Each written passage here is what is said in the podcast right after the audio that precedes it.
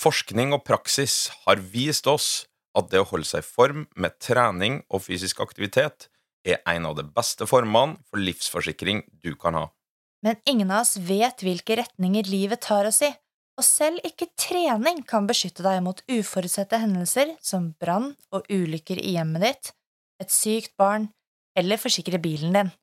Til det her har du forsikringene til Fremtind Forsikring, som er eid av Sparebank1 og DNB.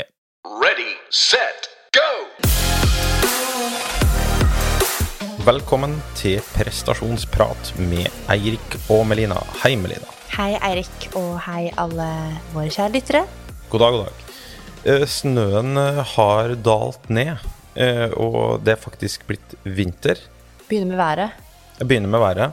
Eh, Jeg har fått kjeft for to ting. En er at jeg snakker for mye om været, og det andre var at jeg snakka for mye om mat. At vi ikke var en matpod. Eh, Så det var kanskje dumt av meg å trekke fram snøen, men poenget var at jula gjorde godt for eh, oss skifrelste. Eh, Nå skal det sies det at jeg har ikke vært ekstremt mange turer på ski. Du har vært flere enn meg. Det har jeg, det, og det er litt sånn, nesten litt ironisk med tanke på at du er langrennstreneren her. Men eh, jeg utnytter jo deg maksimalt, eller kanskje ikke maksimalt, men jeg utnytter deg ganske mye når du er hjemme, sånn at jeg kan få gått på ski. Fordi snart er du jo on the road again, og da får jo ikke jeg gått så mye på ski og trent sånn som jeg egentlig vil. Eh, vi har jo ei uh, sånn multisportvogn, så det er jo mulig å komme seg på ski. Men det er jo klart, det å trene på ski er noe annet enn å gå med pulk på ski. ja, det er forskjell på å gå på ski og trene på ski. Ja. Det er sånn det er forskjell på å svømme og bade, liksom. ja. Eller uh, plaske. Som du driver mest I med. plaskebassenget. Ja. Det er jeg god på. Ja, du var inne på det. Langrennstrenerlivet er Jeg skal faktisk si endelig back on track. Eh, skirennene eh, kommer nå på løpende bånd. Eh, jeg skal jo innrømme det jo, var jo digg å være hjemme i jula og digg med eh, julefeiring hjemme med familien og ro og fred over det ganske land, men van, ryggmargsrefleksen min overfor det da å være på Tour de Ski, det å være på skirenn, det å kan du si, tenke skirenn da, hele tida, mm. den fyra litt i starten, og så ble den litt for rolig. Så at jeg savna Det mangla noe. det mangla noe. Eh, sånn at jeg kjenner jo på det nå når vi har fått, fått unna ei norgescuphelg på Lygna i helga som var, og vi jeg kjører til NM i morgen. Altså, du har vel ikke gledet deg så mye til å dra på en norgescup siden du gikk norgescup selv, du? Den som Jeg tror ikke jeg gleder meg så mye da heller. Eh, jeg, det, jeg trengte det her eh, nå, Ja. eh, og jeg, jeg kjenner jo at jeg er veldig utålmodig.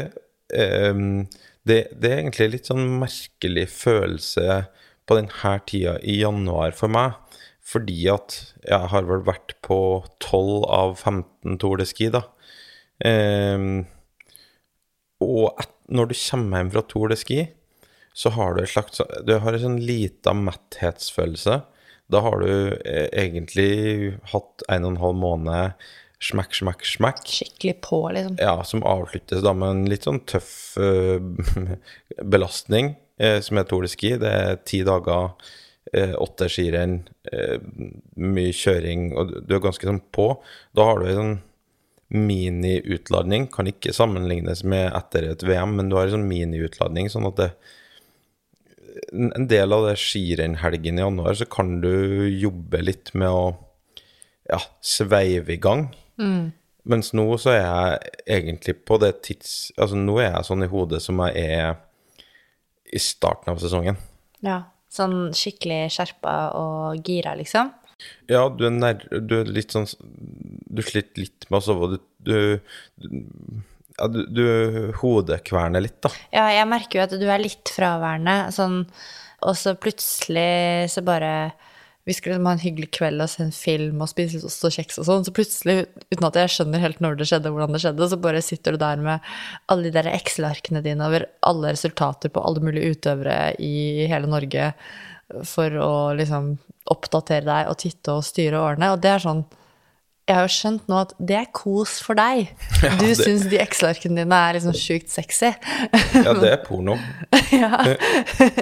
Men eh, ja, nei, så jeg merket at du er litt sånn eh, At du går litt inn i den bobla. Men jeg, jeg syns også det er veldig behagelig, da. Jeg har jo lyst til at det skal gå bra, liksom. Ja, Så- nå vet jeg ikke, nå er jeg ikke nødvendigvis eh, Det er ikke noe ærlig tegn mellom eh, at jeg jobber på Excel og at det går bra. Nei, men det, det handler om den mindsettet som skal til. Da, som Ja. du, liksom de mentale forberedelsene som du som trener gjør for å kunne gjøre best mulig jobb.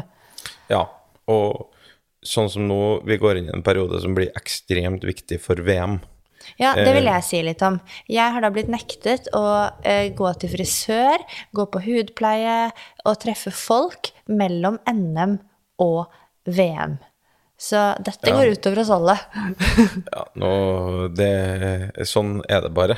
Ja. Eh, Du, vi Det var flaks at jeg hadde frisør her, da. vært, vi har vært mer eller mindre isolert fram til, til nå i, i lang tid, men akkurat den perioden vi går inn i nå, da Kan bare drite og treffe noen, liksom. Ja. Ja, nei, Skal du treffe greit. noen, så treffer du dem utendørs. Og det samme gjelder jo meg. Eh, Men, eh, men man har lov til å ha Når man bor alene, og jeg tenker sånn Når du skal være borte lenge av gangen, så da blir jeg en som bor alene. Da har du lov til å ha en besøksvenn. Så tenker jeg kanskje at mamma kan være min besøksvenn eller noe. ja, jo da. Og det eh, går sikkert. Men som eh, vår fantastiske lege sier, det er jo avstand og hygiene og sånn som gjelder. Så vet jeg jo at hun er sykepleier, så at eh, det er litt Hun er oppegående på akkurat det samme. Men eh, nei, det jeg skulle ha fram til, var at den perioden her blir veldig viktig med tanke på uttak, VM etc. Det er Altså, det med uttak, det er det jeg syns er vanskeligst. Ikke for at det er sånn Det kan være ganske enkelt matematisk, bare følg Disse Excel-arkene dine. Excel-arkene, eh, men eh, du kan ta deg gift på at eh, det er mm, blir rift om liksom de siste plassene, og eh, har du et lag på fem stykk, så er ofte de fire første ganske greie. Ingen diskusjoner omkring dem.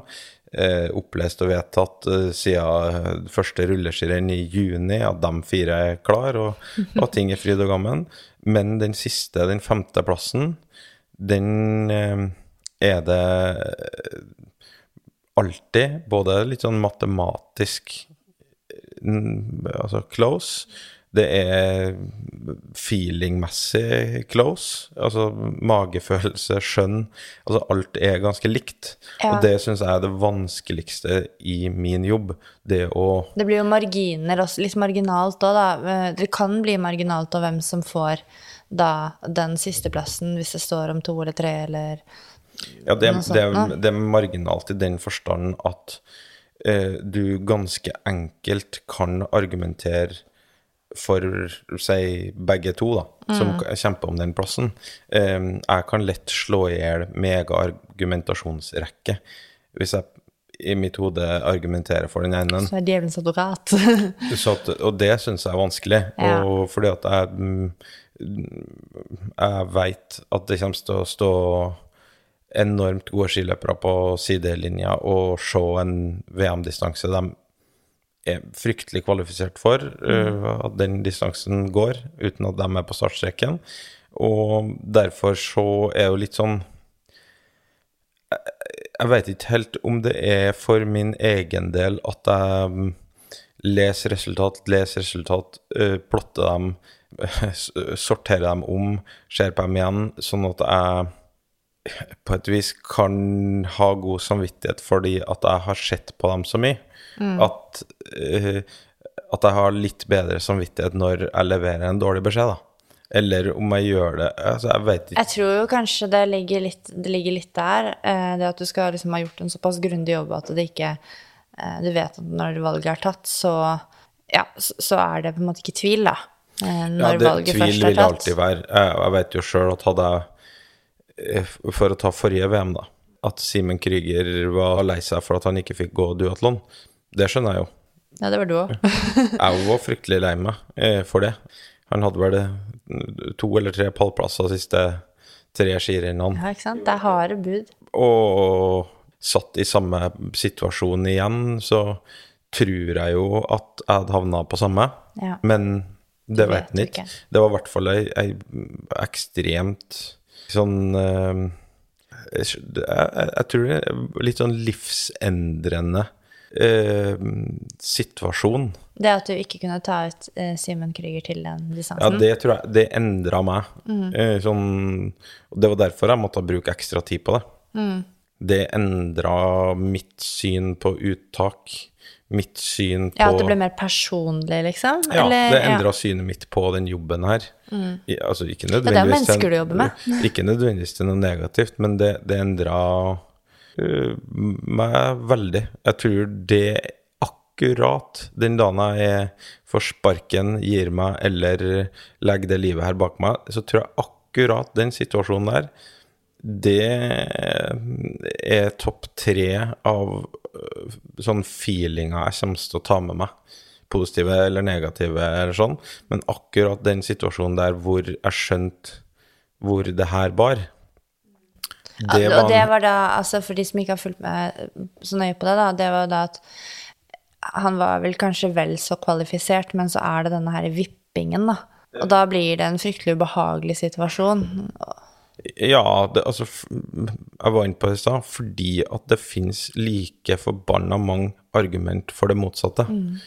Og så du står der med pest eller kolera eller eh, sandwich og kroneis, da, som jeg ser på Som som til, tilsvarende like gode iser, og så må du velge en. Og det er vanskelig. Men så derfor, den perioden som kommer nå, så um, det er en periode jeg grugleder meg veldig til. Det blir ekstremt viktig. Og så bare for å liksom gi et lite bilde på hvordan det kan være, eller hvordan det er, da. Det er jo sånn at i det som vi kan kalle Langrenns-Norge, særlig på guttesiden, må vi jo være så ærlige om, så er det ja, hvor la- topp eh, topp 15 kunne vært i VM alle sammen, sikkert. Eh, Ja, ja, ja. Eh, Vært i VM kunne, kunne de nå i hvert fall. Jeg tror vi nok kunne hatt mer enn 15 eh, som er godt nok kvalifisert for å være en VM-tropp. Eh, litt avhengig av Nivået er distanse. skyhøyt, da. Ikke Ja, sant? nivået er veldig, veldig høyt. Sånn at eh, Men loddet med, som jeg har vært inne på før, loddet med denne jobben er jo at du må ta de beslutningene. Heldigvis så Du sitter jo ikke kun med eget hode. Du prater jo med folk om det. Du har heldigvis noen kollegaer. du har kollegaer, du har eh, andre òg, som ikke nødvendigvis jobber i Skiforbundet, men som du drøfter det med, som du vet følger med på langrenn, og som du trenger å si ting høyt til. ja. Ikke for at de skal påvirke deg, men for at man trenger å lufte ting. Ja, så at eh, fra og med i morgen, når jeg drar til NM, da Da blir jeg langrennsenke og lever under et strengt regime, og du skal flotte deg på Nei, Det er ikke sikkert du får flotta deg så mye på skirenn, du får sikkert knapt vært på den stadion, eller Ja, du får i hvert fall ikke vært på alle skirenn. Jeg får vært på dem i NM, dem, det er distanseløpene, men eh, med det kohortene og sånn, så har ikke jeg lov til å være på stadion på sprint, f.eks. Jeg hadde jo Nå avbryter jeg, men jeg hadde jo mitt mål, som jeg meldte i sommer til deg, så var mitt treningsmål var jo å gå 10 km i NM, som skal være nå. Men korona vil det slik at ikke kan jeg reise til Trøndelag og bo hos svigers, som jeg da er avhengig av for å ta vare på vår lille sønn mens jeg skulle konkurrert. Eh, og ikke eh, har jeg gode nok FIS-punkter nå som innstrammingene har gjort sånn at kun et visst og relativt lite antall i forhold til vanlig får konkurrere. Og det er ikke mest synd på meg, for jeg har jo dette barnet å holde på med og har liksom ikke satt andre ting i livet mitt på vent for å, å være skiløper. Men det er ganske mange rundt omkring som eh, de trener og trener og trener, og så har de liksom knapt fått eh, på seg et startnummer i år. Og det finnes selvfølgelig verre ting, men i idrettsverden så er jo dette selvfølgelig kjipt, da. Så jeg må jo si at det er veldig kjedelig å ikke skulle være med til NM, og det blir jo Ja, det er jo lenge siden jeg ikke har gått NM, egentlig. Så Ja. um, det var kjedelig, for jeg hadde jo trent for dette lite grann, da. Det var planen, men ting skjedde, Ting og vi måtte justere. Vi måtte justere. Og det, igjen, Perfekt Segway. Denne episoden skal faktisk handle om akkurat det med justeringer. Da først og fremst justering av trening, eh, som kan skje på, fra økt til økt. Det kan skje fra dag til dag. Det kan skje fra eh, periode til periode. Det skal iallfall handle om eh, hvordan vi skal gjøre det her justeringene i treningene på daglig basis, eh, og litt sånn ut ifra mer eller mindre vitenskapelige metoder. Ja. Og når jeg sier mer eller mindre vitenskapelige metoder, så er det egentlig litt av overdrivelse, fordi at det her temaet er ikke sånn veldig mye vitenskap eller forskning som er med på å støtte opp. Selvfølgelig så er det noe vitenskap du kan bruke i det her, men vi skal egentlig prøve å drodle, eh, som det så fint norske, det fine norske ordet 'drodle', eh, omkring det her temaet. For at det å skulle gjøre justeringer i et treningsopplegg fra dag til dag Nå kommer vi kanskje til å snakke mest om dette med mikrosykluser. Vi har vært inne på det før, men mikrosykluser er kanskje en uke eller fem dager eller tre dager eller eh, noe sånt. Og så har du liksom mesosykluser som er litt lenger. Og så har du jo eh, makrosykluser som er Man begynner å se mer fulle perspektiv på ting.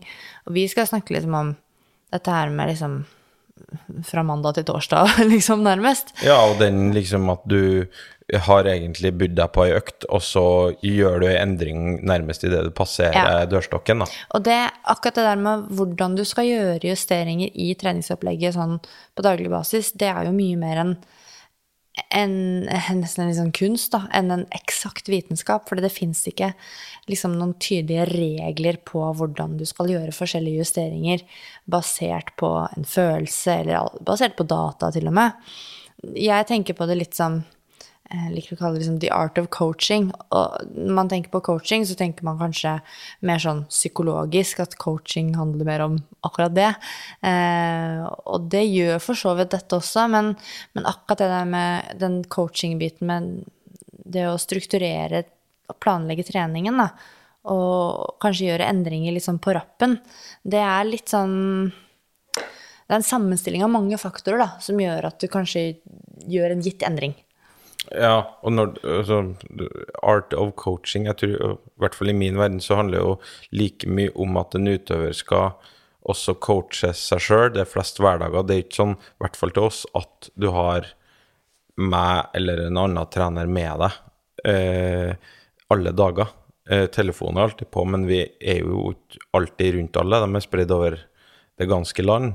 Eh, så det å, å lære seg å coache seg sjøl, lære seg å tyde signal, eh, og gjøre endringer på bakgrunn av det, det tror jeg er den virkelige arten oppi Det det, er her. det. Og det er jo noe som jeg syns kanskje er det morsomste med trenerjobben selv, er jo å lære andre å coache seg selv, og lære andre å være sin egen trener. Og ikke fordi jeg ikke gidder å trene dem eller gjøre den jobben, men det blir et mye bedre samarbeid. Ja. Eh, og ehm, eh, og et, altså vi har snakket om det før, da, med at hvis et opplegg skal funke, så må utøveren tro på det. Og hvis en utøver kjenner sin egen kropp godt, eh, kanskje til og med har litt innsikt i hvordan kroppen fungerer, eh, kjenner min eh, treningsfilosofi, vi har kanskje laget en plan sammen, sånn at begge tar eierskap i den, da er det jo mye eh, Kanskje lettere, er feil, men det er en litt lettere vei til suksess, da. Ja, det, poenget er at du, du kan jo sitte med utøvere og eh, planlegge sånn relativt detaljert, eh, men det skjer jo aldri at en utøver helt slavisk følger en plan, en toukersplan, eh, til punkt og prikke. Og, og det er jo heller ikke eh, i hvert fall fra mitt perspektiv, heller ikke målet med den planen jeg og den utøveren har laga lag, eller jeg har laga. Det er jo ikke målet at uh, andre økt neste mandag må være en og en halv time løp. nei, du blir ikke sånn uh, Hvorfor gjorde du ikke det, liksom? Nei, uh, det er jo mer det totale bildet som er på jakt etter der, da. At Jeg brukte et eksempel når vi satt og prata sammen og gikk gjennom episoden, at vi som går på ski altså Hvis det snør hunder og katter ut, og det står et eller annet klassisk eh, Intervall eller noe. ja, et eller annet, og du vet at i dag er det ekstremt vanskelig å få til gode ski. Ok, kanskje du heller skal gjøre den økta i skate, eller flytte den til i morgen når det er strålende solskinn og medvind og, øh, og sånn. Det er ikke Det er noen sånne endringer som jeg forventer at utøvere på det nivået her, da, øh, gjør sjøl. Du kaster ikke bort ei kvalitetsøkt på på dårlige forhold og får økta ødelagt sånn, da gjør du heller de småendringene. Da kanskje trener rolig enda en dag eh, for å få veldig gode forhold da, på, på økt. Det er bare ett eksempel. Til, ganske så tidlig i min eh, trenerkarriere så um, var jeg nok litt for dårlig til å ta den forventningsavklaringen med det at jeg ikke forventet at kundene mine skulle gjennomføre helt 100% til punkt og prikke hvis jeg lagde en treningsplan. Jeg forventet jo at livet skjedde, og da klarer man kanskje å gjøre litt justeringer. Og det var nok litt ambisiøst uh, av meg, uh, fordi jeg trente på det nivået da. Eh, mosjonister på ikke så veldig høyt nivå. um, fordi at man må, man må vite at det er greit også å gjøre justeringer. Og jeg har jo opplevd å ha kunder som liksom har presset igjennom en plan 100 eh, og forventer liksom gullstjerne på slutten av måneden. Men så er de liksom helt utkjørt, og eh, ja, ting har liksom rett og slett gått litt på tverke, da, fordi at man gir glipp av å gjøre kanskje noen enkle små justeringer som kunne gjort at over, man hadde overskuddet med seg ut av den treningsperioden og, og inn i neste. Så, så det var noe som Vi har vel alle gått liksom gradene eh, når det gjelder det å eh, både liksom forklare at det er det store bildet som teller. Samtidig så kan du jo ikke Altså, det er verdi å lage en plan likevel, da. Det er ekstremt mye verdi i det. Det handler jo om den strukturen og, eh, og periodiseringa og forutsigbarheten i prestasjonsutviklinga. Eh, det er jo derfor du, du, du lager planer. Og så er en ting som vi er inne på, ja, vi har jo alle gått i den litt sånn rigide planlegginga. Det her skal gjennomføres, det her, her må du gjøre. Eh, Og jeg tror jo kanskje det når du er trener for litt yngre, at du kan Det er en viss læring i det, da. At du, både for deg som trener, for å bli bedre kjent med utøveren, men også for utøveren sin del, at du kanskje planlegger litt rigid og, og prøver ut litt, da. Litt mye trening, litt hard trening. Eh, prøve ut litt forskjellige perioder, og prøve å få utøveren til å gjennomføre akkurat det. Sånn at han og du kan danne deg et bilde på hvordan er egentlig det her påvirker den her utøveren, da. Eh, Fordi at da for, håper du jo at vedkommende skal skape seg eh, erfaringer, sånn at neste gang, eller om noen år, eller sånn der, så har du det i banken din, kan trekke fram. Jo, men jeg responderer egentlig veldig godt på lite trening, men ganske mye hardt. Da blir jeg pigg. Mens en annen utøver kanskje er helt motsatt, at jeg kjører veldig lite hardt. Det lille jeg kjører, kjører jeg veldig kontrollert, men jeg trener ganske mye. Da, da blir jeg pigg. Og resultatmessig trenger det ikke være så forskjellig i, i konkurranse, f.eks. Nei. Og så er det viktig for meg å si at justeringer ikke er alltid justeringer til det mindre eller til det lettere. Justering er også andre veien. At eh, har du en god dag, eh, er det eh, det jeg sier, strålende solskinn, kjøttkake til middag, medvind, alt det der, så kan du òg trene mer enn det som er planlagt. Eh, så, men ofte så tenker en at ja, vi skal justere treninga, så det handler om å, å justere ned eh, treninga eh, og det Ja. totale volumet. Det er det er jo kontekstavhengig igjen, da. Eh, Jeg har jo noen Jeg har jo eh, trent noen utøvere som sant, Noen må man er, er ekstremt flinke til å trene, og veldig treningsivrige, og det kan ta litt av. Og da har det ofte vært sånn at en trend i det samarbeidet er at uh, dette er det du maksimalt kan trene. hvis jeg setter opp en plan. Du kan makstrene dette. Du har lov til å trene mindre. Eh, sånn har jeg jo uh, måttet gjøre det for noen. Det har fungert veldig bra. Eh, og det, der er det jo selvfølgelig et psykologisk aspekt i det også. At hvis ikke jeg setter den grensen et sted, så vet jeg at eh, da eh, vil kanskje den utøveren overdrive treninga litt i frykt med å ikke få trent nok. Men så vet jeg jo at nok er kanskje Nok er for den personen er kanskje litt mindre enn den personen selv tror, da. Sånn kan det av og til være. Det er jo veldig kontekstavhengig, men en justering, for å snakke litt om hva det er, da, så kan det jo være Det kan være så mangt. Det kan være at du eh, flytter en økt fra en dag til en annen.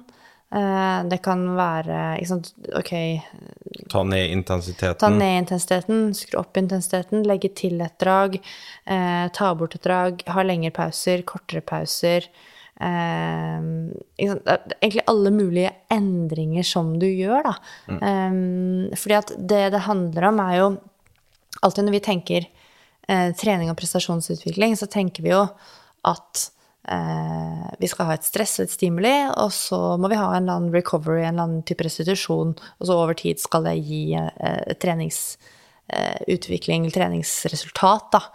Um, sånn at det er jo sånn vi hele tiden prøver å, å balansere det. Og da, for å få det til på en riktig måte for et gitt individ, da um, er det Jeg vil si at jeg er jo veldig glad for at vi har gått den skolen vi har gått, fordi kan du treningsvitenskap, så er det mye enklere å ta avgjørelser. Men du kan ikke utelukkende sitte som en sånn science-nerd og planlegge ut ifra menneskets fysiologi, som det så fint heter. Du må jo også kjenne den personen som du jobber med. Ja, og her- da er vi inne på uh, ordet støtteparameter. Eh, eh, poenget er at kan du generell fysiologi, treningsvitenskap, så gir det veldig eh, Det gir ei god grunnflate å stå på, og det gir masse støtteparametere. Du, du har støtte i den kunnskapen du har på generelt nivå. Eh, Fordi den hjelper oss å forutse liksom Det vi hele tiden prøver å gjøre, er jo å for, Vi prøver å se inn i fremtiden. Vi Ja. prøver å se hva må vi gjøre av trening for at du skal nå det målet. Og det hjelper jo vitenskapen, andres tidligere treningsdagbøker, analyser av dette. Det hjelper oss jo å gjøre det. Men Ja, og da er da er jo den individualiseringsbiten der, der du, er du trener for 1000 stykker, eh, så kan du i stor grad gi dem samme treningsprogrammet, og du kan forvente at brorparten av dem vil få den beste framgangen, så frem til at du har det beste treningsprogrammet. Men begynner du å ha en mindre gruppe og se på individbasis, så, så er det jo store forskjeller på det her. På hvordan du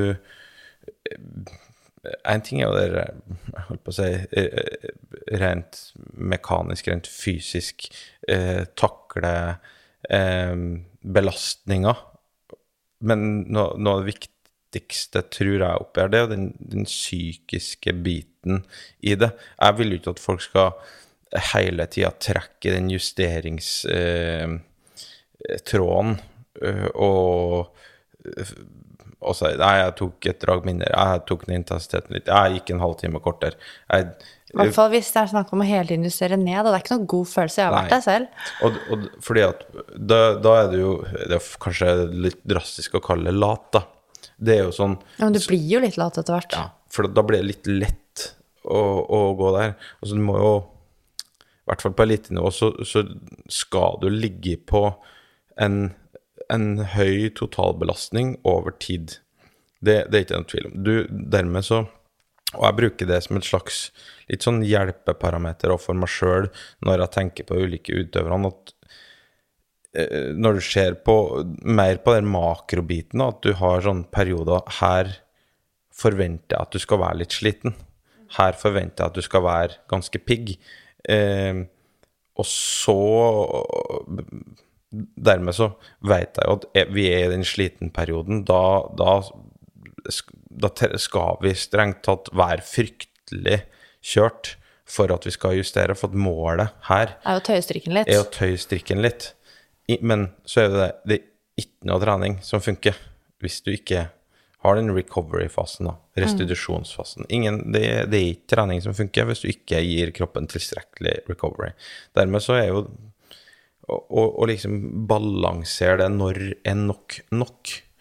Og det, hvis jeg skulle ha sagt én ting på hva er det som kjennetegner dem som virkelig lykkes, og dem som sånn kanskje delvis lykkes, eller aldri når helt dit, så akkurat den lille finessen her.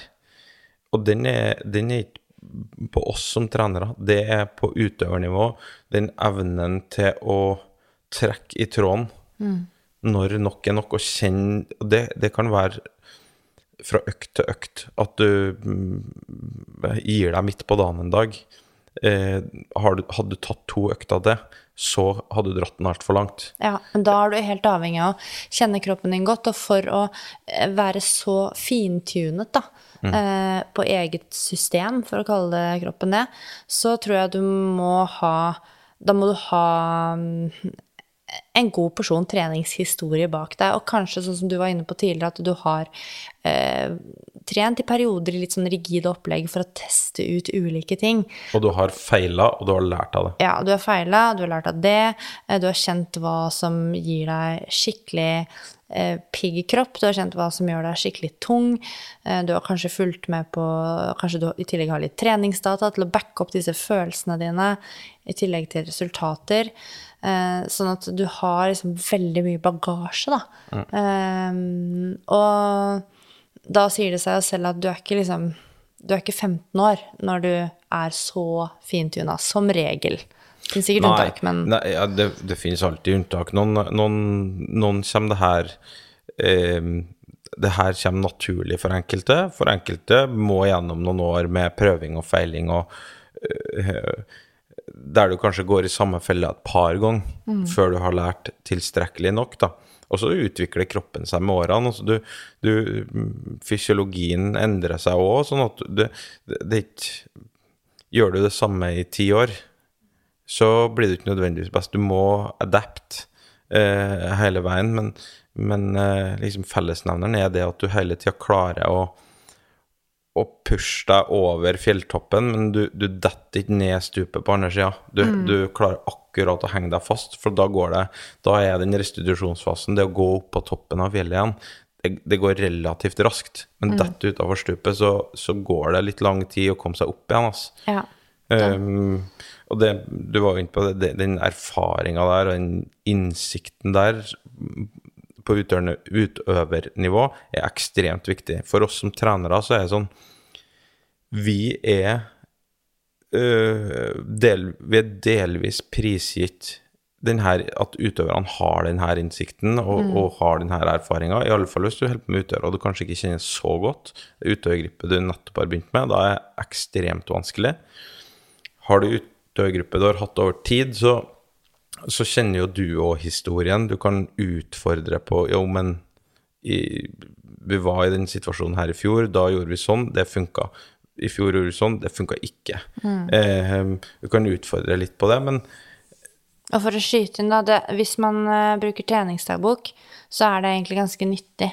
Uh, for da kan du gå tilbake Da kan du se mønster. Hvis jeg f.eks. har um, begynt å jobbe med noen som har eh, vært flinke til å føre treningsdagbok, så kan jeg liksom sitte og eh, ja, drodle, da, som du sier, med, med det, og se liksom både se veldig detaljert fra dag til dag, men også prøve å zoome litt ut og se på mønster. Og da kan du, eh, da kan du se liksom, er det noen ting som gjentar seg. Og hvorfor føler han eller hun seg? Hvorfor går det liksom alltid på tverke rundt den tida der? Jo, da gjorde man det og det og det. Ok, det var kanskje ikke akkurat nok, det var kanskje akkurat for mye. Eh, Og da handler det om å være litt i forkant av det. Hvis du vet at det, det her denne perioden så blir jeg alltid sjuk fordi at totalbelastninga er høy, eller et eller annet, så, så ta bollegrep på, på den der utfordringa. Kom den i forkjøpet, legg inn ei justering i forkant, så vi så vi ikke trenger å balansere helt på den knivseggen. da.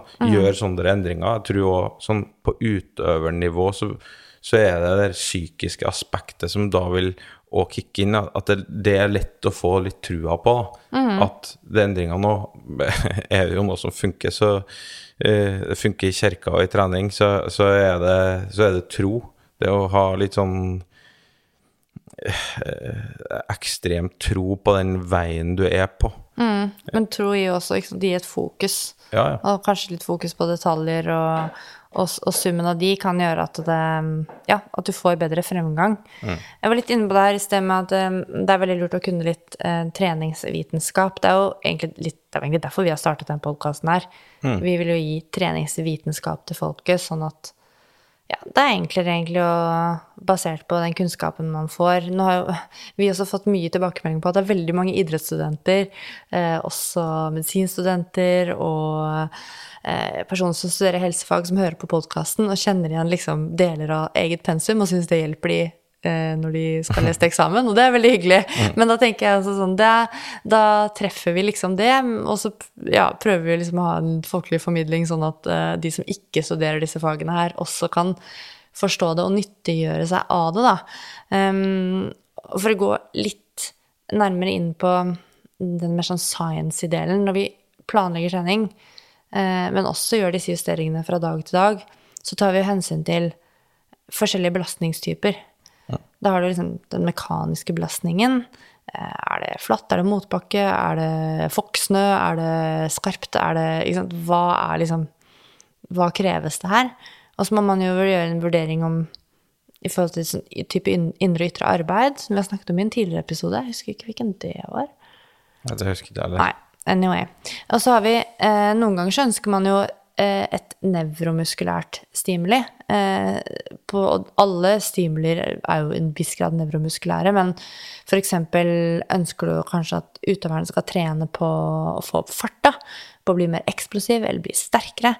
Um, så da må du legge til rette for den type stimuli. Andre ganger så er det det metabolske stimuliet som du ønsker å, um, å, å trene på. Uh, og da er det jo, ønsker du å stimulere eh, ting på, på cellenivå, da. F.eks. For eksempel øke muskulær utholdenhet, som vi har snakket om tidligere, med mitokondrier og hele gjengen der. Eller øke VO2 max, for eksempel. Og så har du jo det psykologiske aspektet som du var inne på. Og det kan være så mangt, men når det gjelder liksom den daglige treningen, så kan det f.eks. være når det nærmer seg konkurranser, så kjører man jo mer konkurransespesifikke økter. Og det er ikke bare for kroppen sin del. Altså, det er for hastigheten, men det er også for det psykologiske. Um, det kan være at man setter opp økter som Jeg kan sette opp økter som jeg vet en utøver eh, bare liker skikkelig godt. Fordi at jeg vil at utøverne skal ha en god følelse, for jeg vet at den økten kommer til å gå bra. Og mange av de øktene som går bra, det, det gir også treningsresultater over tid.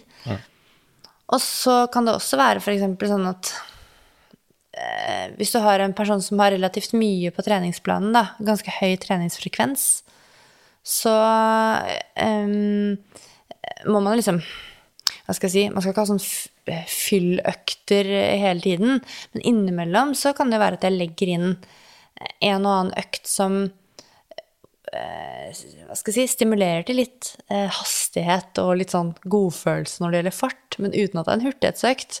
Og det er heller ikke en beintøff intervalløkt, eh, men det er en økt som får deg til å Det kan være fartslek, f.eks. eksempel. En økt som får deg til å føle deg bra, men ikke koster så mye. Men det er likevel trening som inngår i det totale bildet, hvis det handler om å ha litt volum en periode, da. Så det, det er mange ulike sånne belastningstyper som man tar hensyn til. Ja, ja. Og det må man jo ta hensyn til når man planlegger i utgangspunktet. Og så må man ta Hvis man skal justere, så må man jo hensynta det, da. At um, jeg- Ja, det var det jeg ville frem til, egentlig. og, jeg, og jeg tror jo det psykologiske inn mot viktige, eh, viktige deler, da, spesielt inn mot konkurranse, så er det, det er veldig viktig. Det er jo et tema som eh, vi som fysiologer eh, på et vis eh, skal synes er litt rart. Ja, men vi syns jo av og til det, selv om men jeg tror nok vi, fordi vi ikke er em, bare er personer som sitter inne på et kontor og, og titter på forskningsartikler, fordi vi også har vært litt ute i felten der, så skjønner vi jo at det er viktig.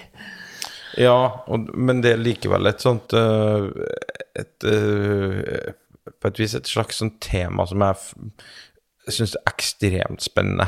Eh, I min jobb så er jo psykologi er, er, er viktig. Det, det ser jeg jo. Ikke jeg kan. Eh, men jeg syns at et fagfelt som er enormt spennende, for jeg tror når når det kommer ned til konkurransesituasjonen, når detaljene virkelig teller, når, når det skal gjøres opp om seier eller fjerdeplass i et VM, da inn mot det så har psykologien enormt stor ikke- påvirkning. Ikke bare der, det, det gjelder for Altså selv for den, den grønneste nybegynner på treningsfronten, så, så er det, det psykologiske perspektivet, kommunikasjon og coaching, ekstremt viktig. Fordi at to forskjellige personer kan servere denne kjære nybegynneren vår akkurat det samme programmet, men det er den som har den, beste, den fineste serveringen og pakketeringen og beste innsalget, og klarer å trykke, treffe en nerve og trykke på de riktige knappene hos den personen, eh, for å um, liksom hjelpe de å få troen, Ja, det, eh, det, s- som, som sannsynligvis vil ha størst suksess. Så det er har, det er jo flere ganger i min karriere at jeg har gått på akkord med mine kalle med min treningsplan og min tro som fysiolog, fordi at jeg har en utøver som sitter og prater veldig godt for noen endringer som han eller hun har hatt ekstremt trua på. Eh, og da hvis vi En ting er hvis det er eh, fem måneder til vi skal gjøre noen ting av eh, av verdi, så, så kan det hende at jeg òg er knallhard men, på å trumfe gjennom min tro. Men når det da nærmer seg viktige ting, så, så har jeg jo i de situasjonene, ikke alltid, men av og til spilt skuespill og vært veldig med på den tankegangen at fy fanken, det, det har jeg òg trua på. Det tør du å si på den podkasten her. Ja, ja. jo, men jeg skjønner, Men, jeg skjønner hva du mener, fordi at det, det den det gjelder, vet ikke hvem de er. Nei. Og så er det ikke noe poeng at hvis Altså Hvis du det ikke er så riv ruskende galt, da, det som den personen presenterer for deg Hvis ikke det er, ja. ikke det er riv ruskende galt, og du kan se argumentasjonen, og um, så hvem er du, liksom, til å komme og rive ned hele det luftslottet, da? Eh, og så blir man kanskje usikker, og usikkerhet er jo det verste framfor eh, liksom, de virkelig store prestasjonene. Det, er i hvert fall, det gjør det vanskeligere. Eh, usikkerhet eh, Mange utøvere er jo usikre i utgangspunktet, men, men Ja, men den det- der, det- du vet ikke om noe om det du driver med. Altså, du blir helt sånn Funker det her i det hele tatt? Ja. Det er ikke noe godt. ja. Det hender seg jo at man misser en økt. Eh, at du f.eks. skulle ha La oss si du vanligvis har en sånn type syklus, da, hvor du har eh, eh, intervall på mandag, rolig trening på tirsdag, styrke onsdag, intervall torsdag, fri fredag, og så langtur. Ja, ikke sant? Du har en sånn syklus som du liksom gjentar i grunntreningen. Eh, men hva hvis livet skjedde, eller du ble syk, og så ble det ikke intervall på mandag? Eh, må du ta igjen økta, eller uh, what are your thoughts? Ja eh, det, det har jo litt sånn med hvilken setting vi er i her, da. Eh, er på elitenivå eh, så er, altså jeg har jo aldri trua på det å ta igjen trening. Det å skal eh, Samle opp, liksom? samle opp i slutten av uka og ta igjen det du eh, hvilte i starten, det har ikke jeg noe trua på. Eh, Men så, så blir du sjuk, så må du selvfølgelig bli, bli frisk før du på et vis starter opp igjen. Men, men hvis det er et eller annet som skjer som gjør at du er forhindra fra å, å, å trene den dagen du har tenkt, eller Det kan være sånn at du kjenner eksempel sånn eh, Nei, da ble det litt for mye. Sånn at du, Ja. du har ikke helt psyken med deg da, til å ta den økta, eksempel. Ja, og da Der er litt sånn, i hvert fall for meg, feil å si tommelfingerregel, men litt sånn Skal du ha litt sånn der ordentlig kvalitetsøktene, altså et tøff intervalløkt eller en distanse eller testløp eller sånn, og, du, du ikke er der, eh, enten en fordi at du er sliten, du har trent for mye og har blitt litt for sliten i forhold til hva planen din var, eller to at du, altså, du har en litt dårlig dag. Eh, det, det, så føler jeg egentlig at svaret er ganske likt for begge de to- scenarioene. Så ville jeg ha prøvd å droppe den økta, for det er kvalitetsøkt som målet med økta at du faktisk skal du skal pushe systemet. Hvis du ikke er der at du kan pushe systemet, da trekker du i, i bremsen, kjører eh, enten ei rolig økt, eller rett og slett gjør om dagen til en, en hviledag, da. Og så må jeg jo si, for hvis, hvis det her er snakk om um, en person i, eh, som er meg, da. Hvor mye trener du? Eh, litt for lite til å kan kalles elite. Eh, men, men da ville jeg nok kanskje eh, tenkt liksom Jo, men eh, akkurat nå så har jeg satt av den tida her til å, å trene. Jeg føler ikke meg helt der til å ta i, men jeg tar ei økt, tar ned, tar ned intensiteten litt, bare får pusta, får svetta litt. Jeg har tross alt satt av den tida her til å trene. Eh, så kan jeg heller ta en hviledag i morgen eller dagen eh, etterpå, og så ser vi litt hva det her skyldes, da. Men da er ikke du liksom den som trener 20 timer i uka, Nei. eller over 15 timer i uka, da. For jeg vil jo si at um, Jeg kjenner i hvert fall sånn Nå som jeg har blitt mamma, da, så, og tiden min er litt mer bundet opp på en annen måte, så må jeg gjøre litt mer sånn som du sa nå, at ok, nå har jeg faktisk, det er nå jeg har muligheten til å trene, nå har jeg satt av den tiden, Eirik er hjemme, kan passe Niklas, eller et eller annet. Um, og om det ikke ville seg 100% med at jeg skulle ha den høye I4-økten da, så tenker jeg sånn, nei, nei, da blir det bare heller litt sånn halvhardt, eller det blir et eller annet med bevegelse og trening. Eh, fordi summa summarum så er det kontinuiteten som jeg må liksom lene meg på, da, i perioder. Eh, så det er jo i hvert fall en endring som har skjedd for min del, som, hvor jeg kjenner sånn ja, dette er jo sånn folk har det i det vanlige livet. Men før, når jeg hadde bare min egen tid for meg selv og kunne leke toppidrettsutøver, da, da var det mer sånn at ok, men da tar vi i hvert fall en hviledag, og så investerer vi den i den hardøkta, liksom. Eh, så det er jo litt kontekstavhengig, men jeg tenker jo også at for de aller fleste, og de fleste er ikke toppidrettsutøvere, så kan man justere intensiteten ned. Eh, hvis du ikke kjenner at eh, i dag roper sofaen fryktelig, fryktelig hardt, da. Ja, altså uavhengig om du er om du trener 30 timer i uka, eller 20, eller 15, eller eh, noe sånt, så vil jo jeg si at eh, er du trener over 15 timer i uka, ja, det er ikke alle dem som er toppidrettsutøvere, men, men du er likevel sånn da, da har du en viss frekvens på ting, da. Du Ja. trener en god del i forhold til befolkningsmassen Norge. Så er du en idrettsutøver. Ja, og, og da er det jo litt sånn en kjensgjerning det at liksom summen av gode økter, det er det er det som gir deg framgang, hvis det er liksom poenget. Og har du en dårlig dag, så får du en god I4 eller I5-økt, men du kan kanskje få en god uh, en og en halv time rolig. Da er du nærmere liksom den optimale langturen, men du er veldig langt unna ei optimal hardøkt. Så uh, juster da heller ned. Er du eliteløper, kan du til og med gjøre det om til en optimal hviledag. Er du en hobbymosjonist, altså som trener en god del og prioriterer det, gjør det om til en, en rolig langtur, da, da du har faktisk muligheten til å trene, og da, da er du nært å få optimalt likevel ut av den økta. Så ok, bare for å oppsummere, nå tok vi liksom to ting vi hadde tenkt å snakke litt om i ett, da, men hvis du mister en økt, så har du ikke noe tro på at liksom, du kan samle opp trening og ta igjen trening. Jeg følger deg helt på den, jeg er helt 100% enig.